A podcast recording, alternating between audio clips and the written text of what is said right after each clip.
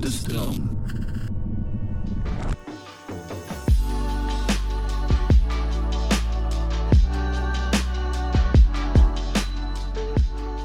Hallo allerliefste luisteraars en BookTok-fanaten. We gaan het vandaag hebben over een boek wat ik miljoenen keren voorbij heb zien komen op BookTok. En wat ik ook heel veel aangeraden heb gekregen van jullie.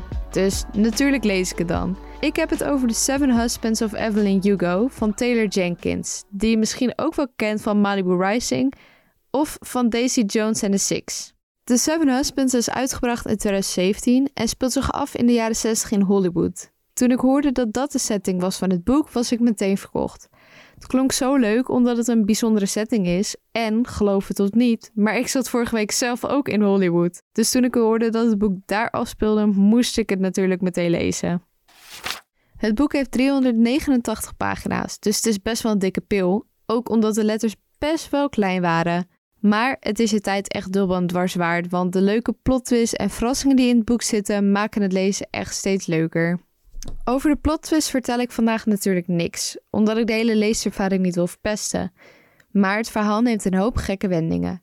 Ik denk dat je dit boek minimaal vanaf een jaar 14, 15 kan gaan lezen, omdat het over drugsgebruik en seksuele getinte stukken gaat. Het boek is super mooi geschreven en je leest het vanuit twee perspectieven: de hoofdpersoon Evelyn en Monique. De twee hoofdpersonen Evelyn en Monique wisselen elkaar steeds af. Juist door de afwisseling van twee verschillende karakters die met elkaar omgaan, is het extra leuk om te lezen. Monique Grant is een junior reporter bij Vivian Magazine. Op een dag vraagt de andere hoofdpersoon, Evelyn Hugo, een grote Hollywoodster, haar voor een exclusief interview wat ze al lang niet meer had gegeven. Monique komt aan bij Evelyn voor het interview als ze hoort dat Evelyn eigenlijk iets anders in gedachten heeft. Namelijk een allesomvattend interview waarin ze zal spreken over haar zeven spraakmakende huwelijken. Monique realiseert zich dat dit een carrièrebepalende kans is en accepteert haar rol als auteur voor de biografie.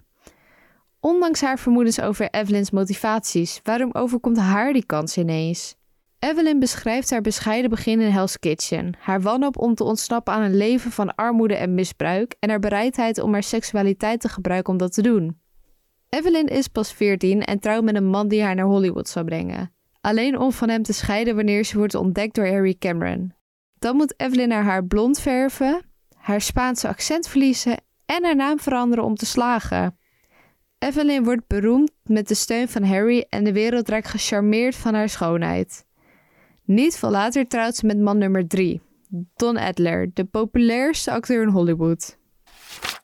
Monique gaat daarentegen tijdens het schrijven van deze biografie ook zelf door een scheiding heen, waardoor ze de situatie een beetje kent. Echter heeft Monique veel meer gevoel omtrent de scheiding dan Evelyn had. Haar hoofdredacteur en baas Frankie twijfelt toch aan Monique's kunnen om een goed verhaal te schrijven en Monique vreest in het begin dat Frankie gelijk heeft. Op een gegeven moment krijgt ze echter meer zelfvertrouwen als ze met Evelyn werkt en uiteindelijk zelfs een promotie van haar baas eist. Terwijl Evelyn haar verhaal voortzet, gebruikt Monique het als een welkome afleiding van haar ex David, die haar wanhopig probeert te bereiken. Het boek gaat heel snel, want tijdens de opnames van een nieuwe film raakt Evelyn bevriend met de reizende ster Celia. Dit maakt haar leven nog complexer. En wat er dan allemaal gaat gebeuren, moet je echt zelf ontdekken. Je leest echt alles over het leven van Evelyn en je gaat je helemaal inleven.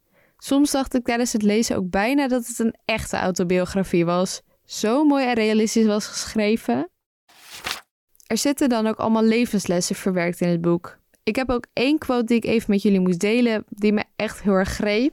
When you're given an opportunity to change your life, be ready to do whatever it takes to make it happen. Uh, the world doesn't give things, you take things. Ik vind het echt een hele mooie quote waarvan ik denk dat iedereen er wel wat aan heeft. En het zegt ook heel veel over Evelyn. Ze pakte namelijk alles aan en ze vocht voor haar dromen. Maar voordat ik te veel verklap, is het nu vooral tijd voor jullie om The Seven Husbands of Evelyn Hugo zelf te gaan lezen. Dus ik bedank jullie natuurlijk weer voor het luisteren naar de aflevering. En laat mij vooral weten op Instagram of TikTok wat jullie van het boek vonden. Onder Novel Lees Wel ben ik overal te vinden. En laat hier vooral weten welke boeken je nog voorbij wil horen komen. Want deze boekentip van jullie was ook echt een succes. Ik lees echt al jullie berichtjes en ik vind het onwijs leuk om met jullie nog alle boeken na te bespreken, te discussiëren en zo. Maar voor nu wens ik jullie vooral heel veel leesplezier en dan kom ik over twee weken weer terug met een nieuw boek.